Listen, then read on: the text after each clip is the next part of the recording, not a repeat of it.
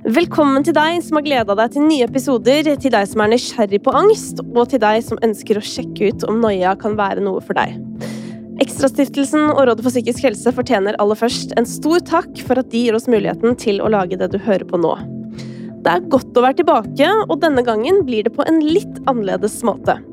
I denne sesongen så vil vi gå et steg videre fra å dele historier om panikkangst. Vi skal snakke mer om angst generelt. Vi skal innom bekymring, PTSD, frykten for å bli avslørt og vedvarende angst, for å nevne noen av temaene. Og vi skal gi deg mulighet til å stille spørsmål til psykologen vår Karina Paulsen. Hver eneste onsdag så kommer jeg og Karina til å møtes i studio for å lage noe som vi har valgt å kalle Noia svarer, der vi svarer på spørsmål som kan ha dukka opp hos deg etter at du har hørt de enkelte episodene hver uke. Disse spørsmålene kan du stille via noiapodkast.no eller vår Facebook-side, og du er selvsagt helt anonym. Det er viktig for oss å understreke at vi skal ikke drive med terapi, men vi skal oppklare og svare på ting du lurer på, og komme med tips og konstruktive tilnærminger til angst. Det som også er litt annerledes i denne omgangen, er at vi gir deg da to episoder per uke, i stedet for at du får alt på en gang. Det betyr at du kan glede deg til nye episoder av Noia hver eneste uke frem mot jul. Og med det så tenker jeg vi er klare for å starte, ja med kapittel 17 Mørketid og angst i sosiale medier. I dette kapitlet av Noia skal du få møte Une på 26 år fra Brekstad i Trøndelag. Une har hatt utfordringer med angst og depresjon så lenge hun kan huske, og føler seg særlig utsatt for begge deler i tiden vi er på vei inn i nå mørketida. Hun deler, i likhet med stadig flere, sine tanker og følelser på internett, og begge disse tingene skal vi snakke om i dette kapitlet. Hva er motivasjonen bak å dele sitt innerste med internett, og hvordan kan vi beskytte oss best mulig mot å bli nedstemt på denne tiden av året? Og for deg som følger Une på Instagram, så vet du allerede at hun elsker å gå på tur, og for tiden følger drømmen om å utdanne seg til turguide. Vi skal selvsagt også finne ut hvordan hun fant naturen, og hva den gjør for hennes mentale helse.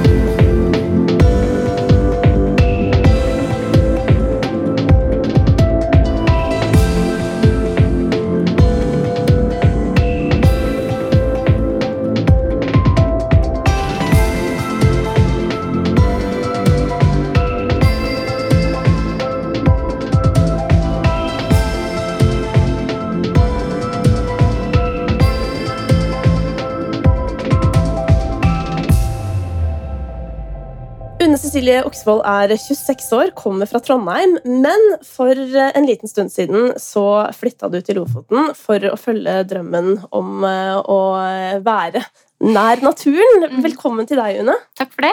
Du, Hvordan har du det med å være her? Det er jo veldig spesielt. Det er jo utrolig givende, syns jeg, da, å kunne dele av seg sjøl um, på den måten her. Samtidig så er det jo skummelt å utlevere seg sjøl òg, mm. for så mange mennesker. Mm. Men Une, ja. i dag så skal vi snakke litt om uh, dette med angst, mm. som jo er noe du har hatt utfordringer med. Mm. Um, kan du fortelle om når du på en måte først begynte å kjenne på det? Ja, det er litt rart, fordi at uh, frem til sommer så tenkte jeg at jeg har uh, Eller har slitt med det mest i sen ungdomsårene og, og voksentida, men uh, etter at jeg hørte på dere, faktisk, så har jeg forstått at jeg faktisk har hatt det siden jeg starta på skolen som seksåring. Um, sleit veldig mye med at jeg var mye dårlig. Nervøs, kvalm. Sleit i sosiale settinger. Jeg husker sånn som leirskole og sånn. Det var et mareritt. Jeg ble så dårlig. Um, og i ungdomstida så utarta det seg mer som en sånn depresjon i tillegg til angsten, da. Um, og det har egentlig fulgt meg helt fram til nå, altså. Så det ja, det har vært en veldig lang reise. Jeg har lært veldig mye, da. Men spesielt nå i sommer har jeg jo lært at det er så mye mer i det enn hva jeg har forstått da, mm. fra før av. Mm. Men hvordan, eh, altså, hvordan vil du beskrive angsten din? Hvordan kjenner du den? Det er som en sier det er som en tung klump midt i brystet. Den er der nesten bestandig. Eh, noen dager så er den ekstra tung, og det føles liksom ut som den kveler meg fysisk. Um, andre ganger så kan den komme helt ut av det blå, og jeg blir kjempedårlig, kjempekvalm. Uh, og så har jeg også hatt tendenser til å få litt sånn panikkanfall der jeg hyperventilerer og får ikke pust og tenker at nå, ja, nå er det ikke noe vits å leve lenger, for det her orker ikke jeg på, liksom. Så det, den utarter seg på litt forskjellige måter, faktisk. Mm. Mm. Um, når er det du sist på en måte Når er det du sist ble hindra i å gjøre noe av angsten? I forgårs Hva skjedde da? våkna opp, Uh, hadde fri fra skolen, det var sol ute, det var kjempefint vær, og alt skulle legge til rette for at det skulle bli en bra dag. Våkna opp med den klumpen i magen, hadde bare lyst til å sove til dagen etterpå, orka egentlig ingenting. Um, heldigvis så har jeg en hund som må ut. Mm. Og han begynte å bli utålmodig og måtte på do. Og da tenker jeg ja, greit, da må jeg faktisk stå opp. Um, og dagen utarta seg sånn at uh, egentlig hadde jeg bare lyst til å ligge i sofaen og ikke gjøre en dritt. Og det gjorde jeg ganske lenge. Um, men heldigvis, da, igjen, så har jeg den firbeinte kompisen som bare ser på meg med de øynene der. Og, så da ble det en liten fjelltur allikevel den dagen. Men jeg hadde jo egentlig planer om å gå en kjempetur. Så ja, jeg fikk en liten tur, men det ble jo ikke det jeg hadde tenkt, fordi at angsten stoppa meg i å faktisk gjennomføre mine planer. da. Mm. Har du noen tanker om hva det er som gjør at du blir engstelig? Oi, det er et veldig godt spørsmål. Eh, jeg, jeg har alltid tenkt at det er At det bare ligger i meg, at jeg er født med det. Fordi jeg har jo ingen grunn til å gå og være bekymra eller redd eller eh, uroe meg for ting. Jeg, altså jeg er jo født i en trygg familie, jeg har trygge folk rundt meg. Liksom, så det at jeg skal være så utrygg sjøl, det, det gir jo egentlig ikke mening. Men uh, jeg tror at det er en medfødt uh, greie da, som jeg bare har i meg. Som jeg alltid har hatt. Men er det noen ting du kan oppleve måte, gjennom uh, hverdagen som gjør det ekstra vanskelig for deg? Ja. Um, nye settinger. sånn gå utenfor de trygge rammene mine. Mm. Eh, det har jeg begynt å gjøre mer og mer, for det gir meg veldig mye.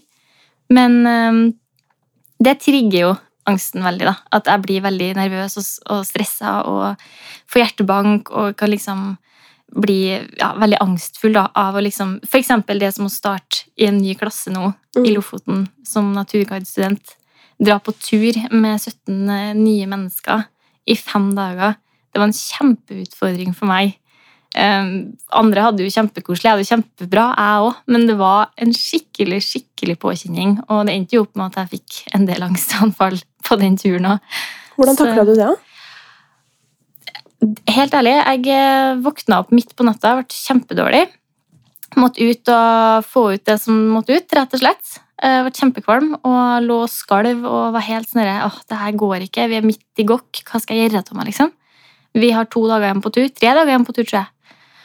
Og våkner om morgenen og går til lærerne og sier at vet du, det her klar, klarer ikke jeg noe mer. Jeg må hjem jeg må hjem til kjæresten min og hjem til mammaen min. Jeg var liksom som en sånn liten unge som er helt sånn usikker og redd og skjelven. Og, og de prøver å skape de trygge rammene jeg trenger for å faktisk komme meg videre. Og med hjelp av gruppa så tar jeg på meg sekken, vandrer 7-8 kilometer med elvekryssinger og hele pakka. Og kroppen er så skjelven og dårlig. og ender opp med et panikkanfall eh, nesten før jeg kommer fram til siste camp. Og, og på en måte føler meg som en, den største idioten på hele gruppa. Men jeg kommer meg jo fram. Det går. Jeg på en måte får kroppen fram i mål allikevel. Ja, det var tungt, men det gikk, for jeg har jo ikke noe annet valg. Jeg kan ikke bare sette meg ned midt i gokk. Det går ikke. Da kommer jeg meg ikke noen plass uansett. Det var ikke noe dekning der. Jeg kan ikke ringe etter noe folk eller noe som helst. Det må bare gå. Så rett og slett bare det å innse at eh, det her kan jeg faktisk ikke stoppes av. Jeg må bare videre. Men hvordan var den erfaringen for deg? Det å liksom kjenne at Altså å gå fra da en tilstand hvor du tenker at jeg må kanskje bli hentet ut av helikopter, eller jeg vet ikke, til at du faktisk har da gjennomført, da. For å si det sånn, jeg eh, satt igjen med både ganske mye skam, eh, fordi at jeg hadde visst de andre hvordan jeg kunne være, da. Eller jeg føler jo at eh, Der og da følte jeg det som en svakhet når det skjedde. Men i ettertid så ser jeg det på som en kjempestor eh, styrke og mestring. Um, og det er det jeg syns er så viktig, at selv om man har ekstra utfordringer, så har man også igjen da ekstra mye mestring å vinne på det å utfordre seg sjøl. Mm. På det man ikke er trygg på.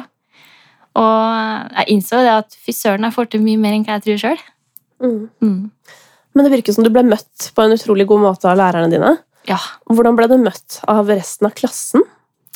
Jeg måtte jo si eh, på slutten av den dagen hva som var greia, da. Mm. Eh, fordi at det så ganske dramatisk ut når jeg begynner å hyperventilere og ikke få pust. Um, og det som skjedde da jeg fikk det panikkanfallet, så sprang jo folk til og tok av meg sekken og hjalp meg videre. Jeg husker nesten ingenting, for det skjedde så fort. Og folk var liksom sånn Oi, shit, det her var, var tøffe greier, på en måte. Men det var ingen som kom bort til meg og sa at å herlighet, skjerp deg, eller noe negativt. Og når jeg da fortalte det i etterkant, så var det liksom Tusen takk for at du forteller det, og, og så fint at du deler. For det her kan jo skje med hvem som helst på tur. Mm. Et panikkanfall kan jo komme altså det kan jo komme helt uventa på en helt eh, frisk person da, i gåseøynene. Altså man, eh, spesielt som naturguide så er det fint å kunne se at det ikke bare er de fysiske utfordringene som et knekt fot eller eh, en hjernerystelse vi må kunne. Vi må kunne takle folk som plutselig kan få psykiske knekker Mm. på sånne turer. Så jeg tror egentlig det var veldig lærerikt for dem òg å se det. Bidro ufrivillig til opplæringen. ja. Uff. Eh, Du, Une, Mm. jeg har lyst til å snakke litt med deg om dette her med åpenhet og deling. Eh, Fordi på Instagram så har du en del følgere, Mm. eh, og i profilen din så skriver du at du deler ting om friluftsliv og psykisk helse. Mm. Hva var det som fikk deg til å åpne deg? I vår så um, studerte jeg barnehagelærer. og var i en praksisperiode på sju uker. Jeg hadde skikkelig angst fra uke én, eh, og uke fem så klarte jeg ikke enda mer. Da var jeg ferdig, hadde ikke sjanse til å fortsette, som gjorde at jeg ikke fikk lov til å starte på tredjeåret mitt i år. Når det skjedde, så ble jeg så drita lei av å gå med det her, og det skal på en måte altså det, det defineres så mye da, av hva som skjer i livet mitt. Jeg var så luta lei av at det skulle bestemme alt. Og gå og late som at alt er så fantastisk fint hele tida, for det er det faktisk ikke. Så da bestemte jeg meg for å faktisk si det på Instagram at vet du hva, nå har det her skjedd, og det var på grunn av det her og det her. Og jeg fikk så utrolig mange fine tilbakemeldinger og innså at oi shit, det er faktisk veldig mange som sliter med det her uten å på en måte si noe om det. Mm. Og etter det så begynte jeg bare å dele mer og mer om mine erfaringer med angst, og hvordan jeg opplever å ha det, og hvordan ja, friluftsliv hjelper meg i det. Men samtidig at det har ikke kurert meg, men det er en med medisin da, i gåseøynene som jeg bruker for å holde litt i sjakk. Mm. Og det er så mye meldinger som renner inn fra folk som er så takknemlige, og som har akkurat de samme følelsene som jeg har, og som syns det er så bra at noen tør å si det. Og jeg tenker at Hvis jeg tør å si det, hvorfor skal jeg da ikke gjøre det? Hvis det kan hjelpe andre folk. Men øh, du forteller jo om responsen du får øh, når du legger ut ting. At Mm. folk liksom føler det samme og sånn. Hva gjør det med deg? Uh, på ett vis så ble jeg veldig takknemlig fordi at uh, det er liksom Det at folk faktisk deler sine ting med meg, da. At de, kan, at de føler at de kan være ærlige med meg, at vi kan ha en fin samtale om det, og at jeg kan bidra til at de kanskje blir inspirert til å gå på tur og sånne ting, eller til å gjøre noe med det, komme seg ut. Eh, det hjelper veldig, og samtidig så er det veldig viktig for meg å dele, fordi at det er så mange som eh, Så jeg husker dere sa en gang i Noia i sesong 1 at det var 30% av befolkninga som opplever angst. Og det betyr jo at alle kommer til å komme borti det. Uansett om du får det sjøl, eller om det er noen nære, kjente kollegaer, familie. Og Derfor syns jeg det er veldig viktig å spre den kunnskapen om hvordan andre folk kan oppleve hverdagen. Selv om du syns det er greit å gå på butikken og kjøpe melk, så kan det hende at den ved siden av deg som står bak deg i køa, har brukt hele dagen på å komme seg ut for å kjøpe den melkekartongen. Mm. Jeg syns det er så viktig å dele at vi er forskjellige, og vi må skape en større aksept for det da, i samfunnet. Opplever du noe som du syns er vanskelig med at du er så åpen? Ja, det er klart det. Hva da? Det er jo Det er jo litt eh, Det er jo litt komisk å si det, men jeg får jo angst av å dele at jeg har angst. Det er klart det. Jeg eh, deler jo ganske åpent og ærlig om, eh, om mine opplevelser, og jeg er ofte veldig redd for at noen skal ta det feil. Jeg er redd for å tråkke folk på fotene. Jeg er redd for å ta for mye plass, ikke minst. Eh, være for eh, ja, åpen at noen skal synes noe galt eller ta ting feil. Og så er jeg jo redd for at eh, noen skal tenke at jeg er kjempeteit. Og, ja, så det er, at ja, det trigger absolutt angsten min å dele om angsten. Men sånn, på de andre sidene så, så gir det meg så sinnssykt mye òg, fordi at jeg får de tilbakemeldingene jeg får fra de andre. At det Mm. hjelper folk. Og da tenker jeg at da er det man må fokusere på. da. Vi skal bringe vår eh, psykolog Karina Paulsen inn i denne samtalen. Velkommen til deg, Karina. Tusen takk. Du, dette med åpenhet om psykisk helse. Mm. Det er jo et veldig eh, hett tema om dagen. Det blir diskutert mye, og kanskje særlig liksom åpenhet i sosiale medier og medier generelt. Eh, hvorfor er det viktig å diskutere åpenheten? Det er viktig av flere årsaker. Eh, Det er jo både en arena altså først og fremst for normalisering, hvor vi alle kan møtes i noe fellesmenneskelig. Det er veldig mye positivt med det. Men som alt annet så har det også en slagside. Og de slagsidene er viktige å komme rundt for å være bevisst. Og jeg tenker for enkeltmennesket å være bevisst på hvilken intensjon deler jeg ut ifra. Hva er det jeg ønsker egentlig å dele? Eh, Hvilke konsekvenser kan det ha? En ting er for meg selv, men også for andre, for, for fellesskapet. Hva skal være bare mitt, og hva kan andre også få lov til å ta del i? Um, hvordan opplever du Une, liksom forskjellen på å dele på internett og det å dele sånn ansikt til ansikt? Helt ærlig, på internett så får du mye mer ærlige tilbakemeldinger, føler jeg. Det er akkurat som at um, det å dele ansikt til ansikt, det, blir, det er veldig sårbart, da. Du, det er noe helt annet å se en direkte reaksjon fra et menneske når du er så naken som du er, da, når du deler direkte. Mm. Um, på internett, så det, det, er jo, det er jo litt rart. Det er jo som å dele til en vegg. Jeg deler jo på en skjerm. sant? Men så innser du at det faktisk er folk bak den skjermen da, når du plutselig møter dem på butikken eller et eller annet som sier 'Er du som er Une?' Og blir litt sånn 'Oi, wow, det var folk bak den skjermen', ja. Så det er jo selvfølgelig veldig sårbart, det òg, men allikevel på en annen måte. Altså. Mm. Mm. Hva tenker du om det, Karina? At, eh, at Une nesten opplever det på en måte lettere å dele i sosiale medier enn i ja, ansikt til ansikt? da? Det er ganske vanlig, også fordi at den umiddelbare reaksjonen fra mottakeren ikke er så synlig for oss. Eh, Så i det så, så skapes en avstand som kan gjøre det lettere for mange å være åpne. Mm. Det blir ikke så konfronterende i kraft av eh, å ha en annen person sitt ansiktsuttrykk tett Mm. på, eksempel. Mm. Eller eh, å erfare mottakerens eh, reaksjon. Men det er jo litt som Une forteller, at eh, plutselig så møter hun folk på gata som er sånn Oi, er det du som er hun som sant, deler på internett? Og det er jo sånne ting man kanskje ikke tenker på, i hvert fall i begynnelsen. da, At Mm. på et eller annet tidspunkt kommer folk til å begynne å legge merke til deg som den personen. Um, er det noe man på en måte bør være litt obs på før man velger å liksom dele veldig bredt? Jeg tenker at det er viktig å gjøre seg opp noen tanker om, om hvorfor og intensjonen med å dele. Mm. Um, hva er det jeg ønsker at andre skal ta del i og få vite noe om, få innsikt i? Uh, og hva er det jeg ønsker å holde for meg selv? En annen ting jeg tenker er viktig å være oppmerksom på, det er hvilken tilstand er jeg i når jeg deler? Mm. For det kan være at vi, vi mennesker er jo ulike, altså ulike følelsesmessige tilstander. Som eksempel en tilstand av, eh, av angst eller engstelse, som kan gjøre at vi deler av noe nærere eller mer personlig enn det vi ville gjort hvis vi ikke hadde vært i den tilstanden. Mm. Eh, hvilket igjen kan gjøre at vi angrer på det etterpå. Mm. Så være oppmerksom på hvilken tilstand er jeg i nå. Er dette noe jeg vil være, gå god for, eller være avklart med at jeg har delt når jeg er ute av denne tilstanden? Mm. Gjøre seg opp noen sånne refleksjoner tror jeg er viktig. Det gjorde jo jeg da jeg delte eh, første gang på en måte offentlig. Jeg hadde jo selvfølgelig delt med samboeren min og, og familien og sånne ting før det, men da husker jeg at jeg skrev, eller jeg begynte liksom å skrive på et innlegg. Eh, Men eh, det ble på en måte noen runder nettopp av det du sier, Karina, for det var skrevet i et mørke som jeg heldigvis kom meg noen nivå ut av. da. Mm. Og så fikk jeg en sånn dag hvor jeg hadde overskudd og liksom skrev, og så lot jeg det til og med ligge ganske lenge før jeg fant ut at oi, dette mener jeg fortsatt. Eller sånn, dette, Mm. er liksom, dette føles bra, liksom. Dette er den ekte historien. Mm.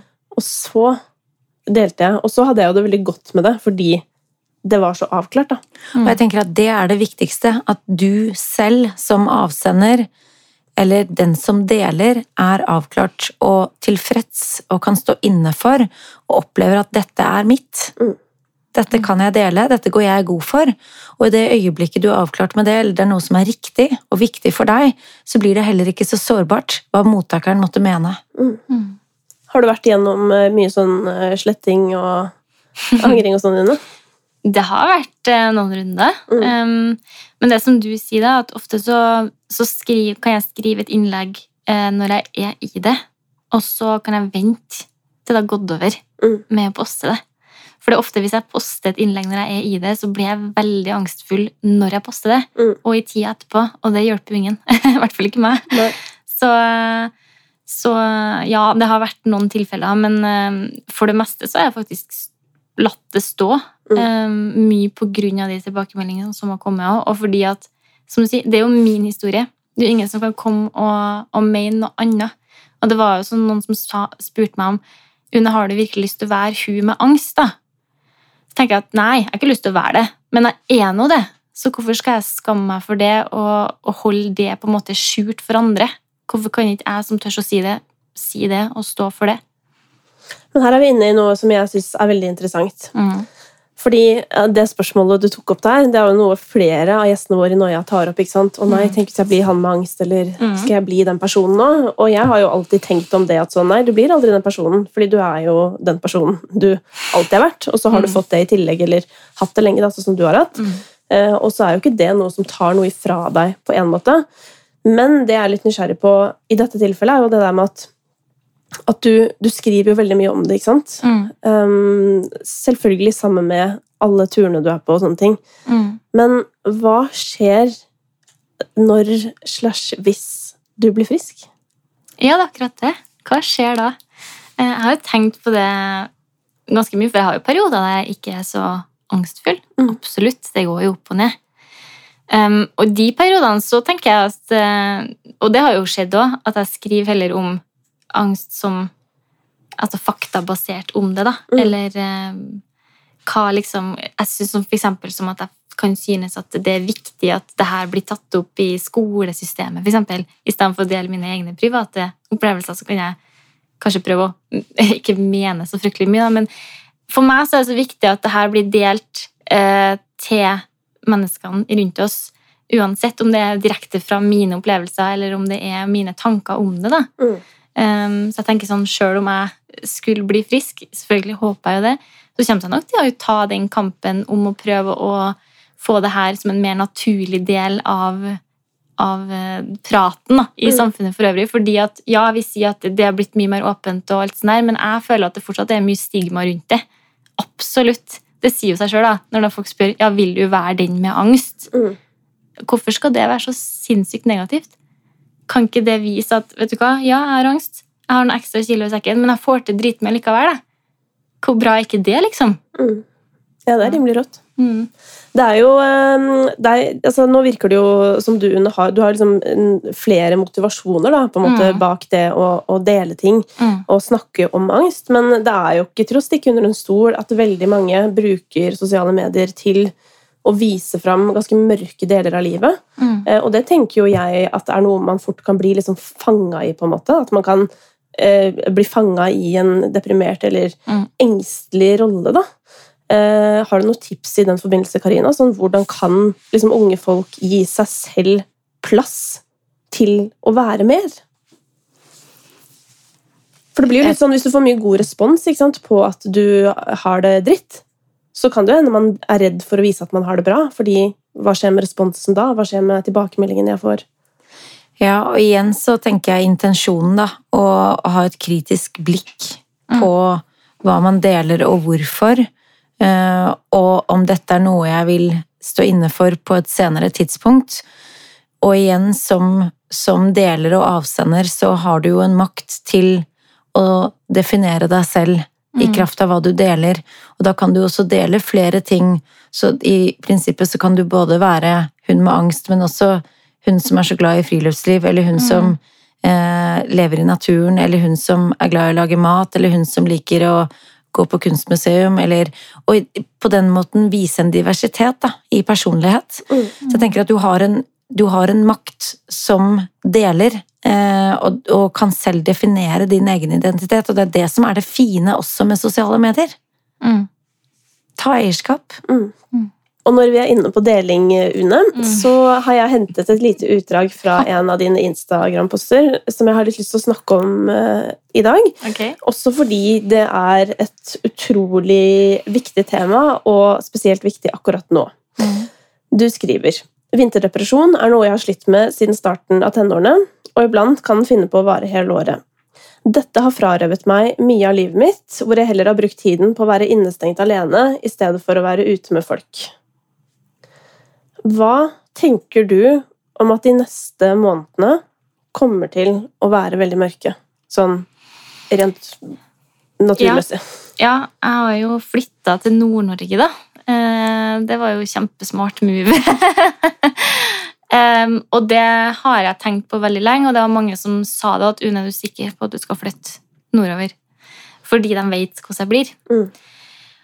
Men samtidig så er det sånn, det er jo ikke sikkert at det blir sånn. Uh, ja, jeg er redd for at det blir sånn, men samtidig så har jeg en makt i det at jeg er klar over at det kan bli sånn. Derfor så kan jeg òg gjøre grep som kan forhindre det. Selvfølgelig, jeg blir veldig påvirka av lyset, og man må bare utnytte de øyeblikkene man har ut i lyset da, når det er så lite dagslys. Um, men selvfølgelig, det er jo en uro i magen min som ligger og bare gruer seg til oktoberen går ordentlig i gang, og ja, dagene blir veldig mye kortere. Mm. Men igjen, det er sånn som det å gjøre ting, som jeg sa, for å, for å motarbeide Skap det hyggelig, da.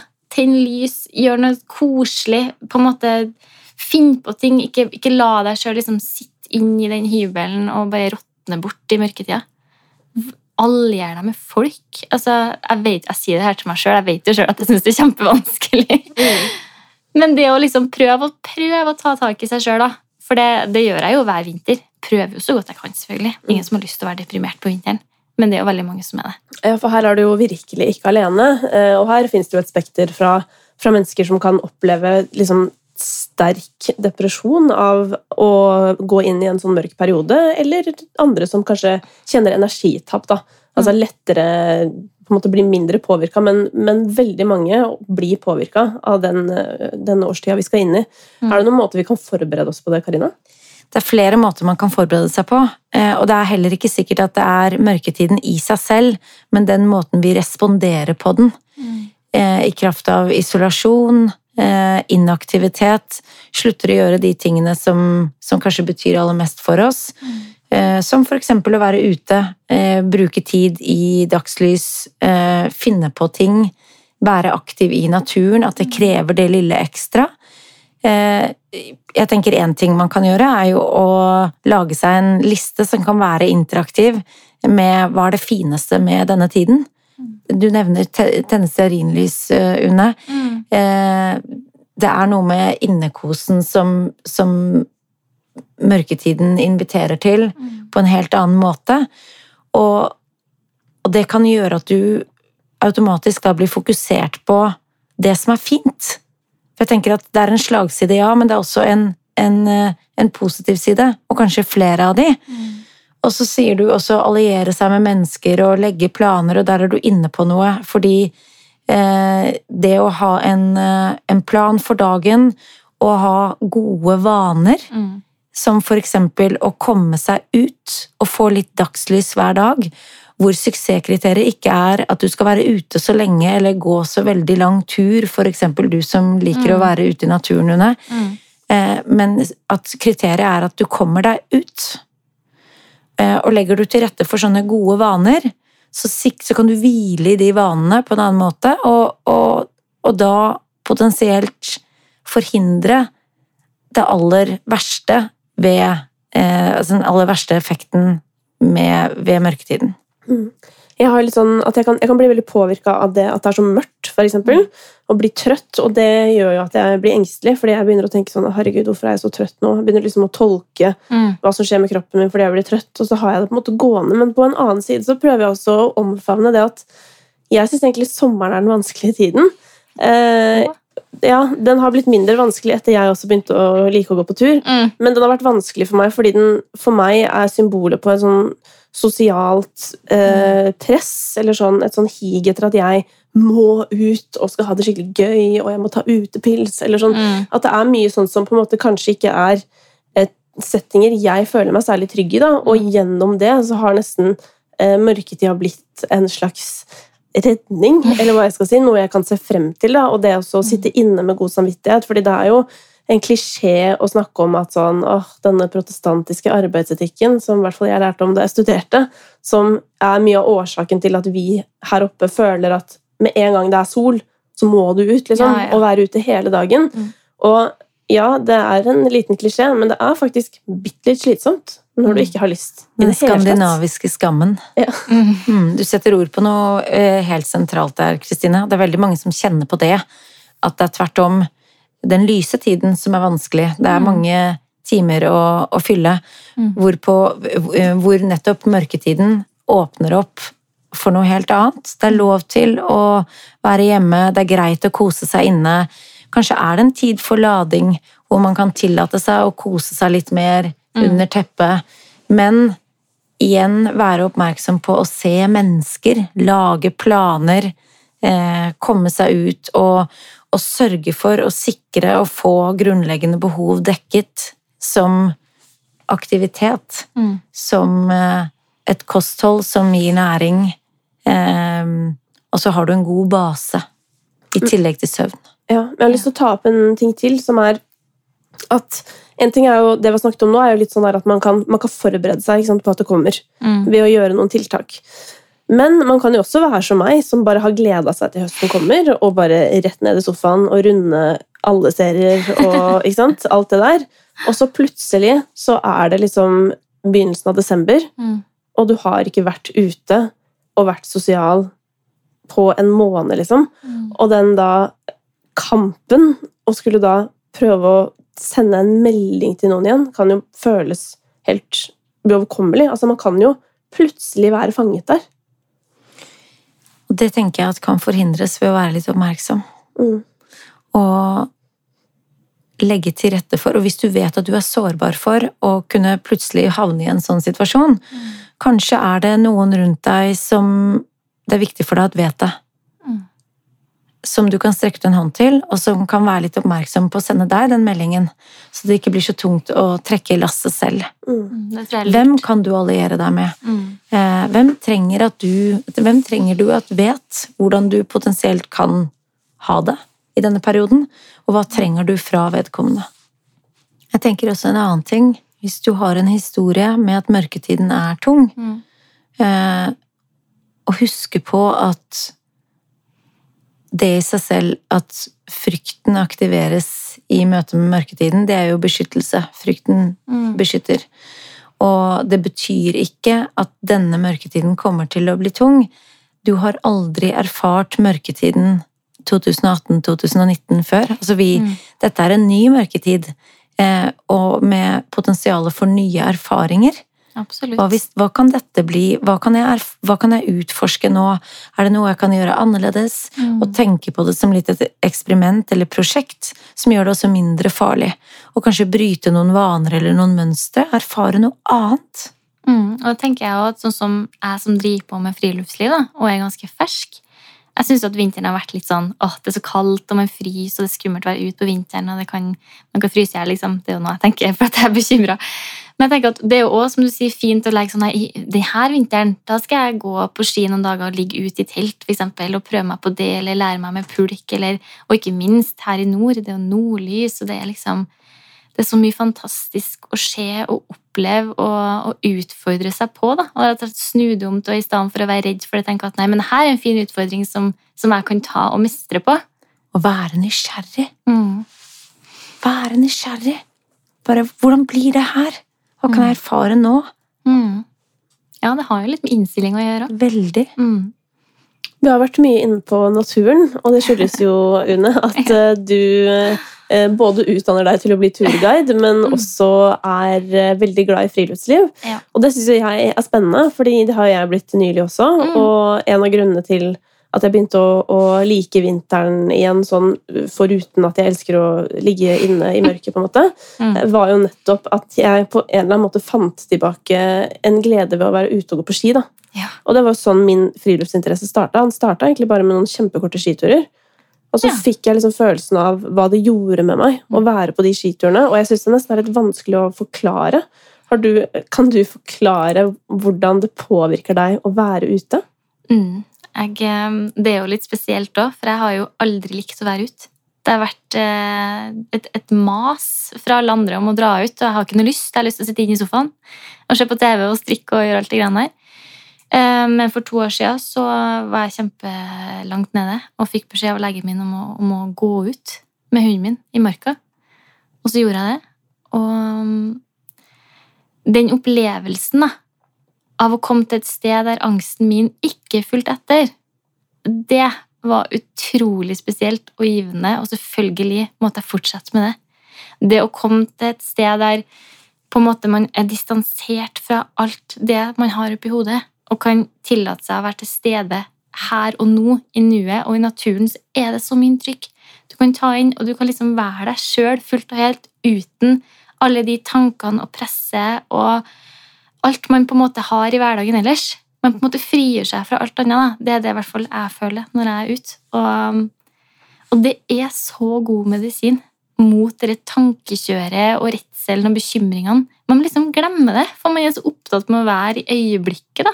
Ut, og det med ski, knitrende snø og sol Jeg, blir, så- jeg gleder meg sånn. Det er så deilig.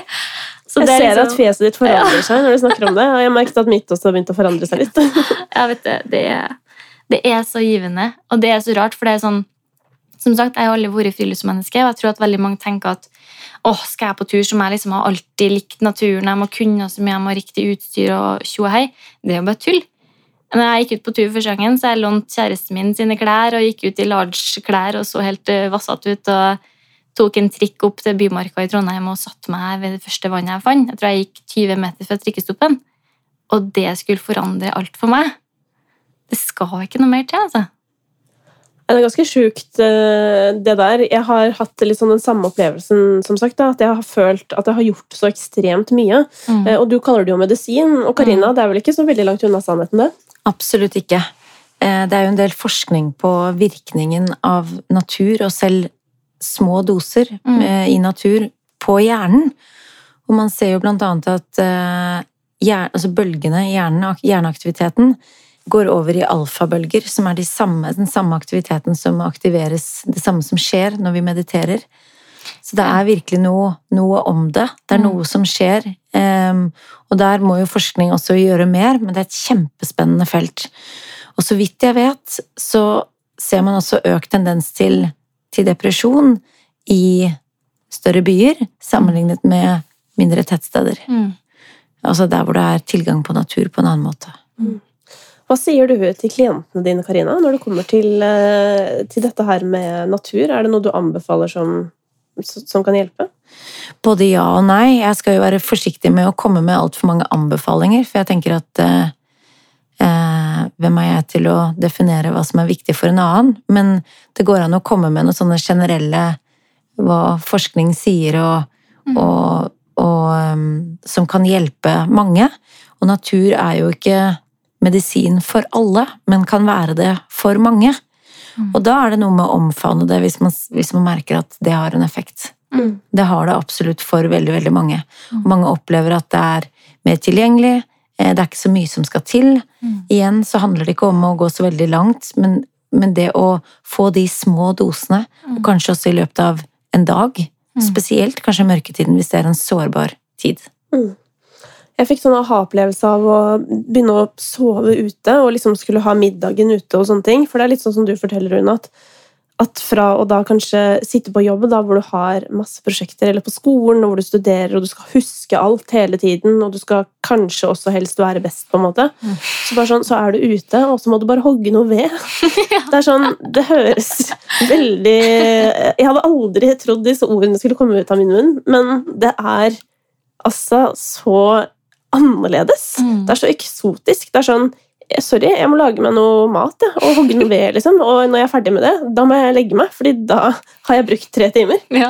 Og det er noe av det veldig mange savner og mangler i en eh, tid som, eh, som preges av teknologi. Mm. Og det å komme tilbake til det ekte og nære og være i kontakt med elementene. Med ved, med jord, Mm. Mm. med, med livet. Og naturen representerer jo så veldig mye i livet. Mm. Det representerer aksept, det representerer det forgjengelige. Naturen er alltid bare seg selv, selv om den tilpasser seg. Det er noe veldig symbolsk mm. i naturen. Men Une, Mm. du forteller jo at du, du fikk eh, eh, en liten henvisning av legen din, holdt jeg på å si. En Ja. slags grønn resept om å gå ut Mm. i naturen for et Mm. par år siden. Ja. Hvordan har på en måte angsten din og, og på en måte den eh, depresjonen som innimellom følger med, da, hvordan har det endra seg i takt med den eh, aktiviteten du har gjort? Jeg merker jo det at jeg eh, har mye mer kontroll på den, på ett vis. På at, altså, den ligger jo alltid der. Eh, men jeg føler jeg kjenner den på en annen måte. Og som jeg nevnte tidligere, at jeg ble skikkelig dårlig under min praksisperiode eh, i vår. Og det var jo òg en grunn til at jeg hadde ikke tid til å dra på tur. Jeg var så opptatt med å være i praksis og jobbe med skole at jeg fikk ikke tid til de korte skiturene etter skolen. Da var det mørkt. Altså, og da ble jeg skikkelig dårlig. Og det viser jo bare det at en sånn jevn, på en måte jevnt og trutt ut i naturen, det hjelper å liksom holde hjulene i gang. da. At man ikke havner i de kjempemørke dalene og på en måte heller litt i sjakk. Så um, nei, naturen for meg, det er Jeg kan ikke tenke meg et liv uten. Og det er så banalt for meg å si, fordi at for to år siden så kunne jeg ikke tenkt meg et liv med. Så det er helt rart, altså. Men det som er gøy øh, med å høre deg snakke, Une, det Mm. er jo at, øh, at man hører på en måte reisen du har vært gjennom, Mm. når man hører deg snakke. Fordi jeg vedder ganske mye på at hvis dette hadde for to år siden, så hadde du aldri snakka på den måten du gjør nå. Helt sikkert ikke. Jeg var så Jeg visste nesten ikke hvor jeg skulle starte, men eh, det jeg starta, det var jo egentlig bare å gå turer i nærområdet mitt. Jeg hadde jo aldri vært i Bymarka Trondheim. Jeg visste ikke hva er Bymark i Trondheim engang. Men det er det, da. For dem som lurer på det. Så det var liksom korte turer, fikk oppleve ting, utforske ting. Jeg følte meg som en unge. liksom, Nå skal jeg på utforskningsferd med hunden min. og liksom Tok meg brødskive, og det var det jeg hadde med. liksom. Mm. Det trenger ikke å være så vanskelig.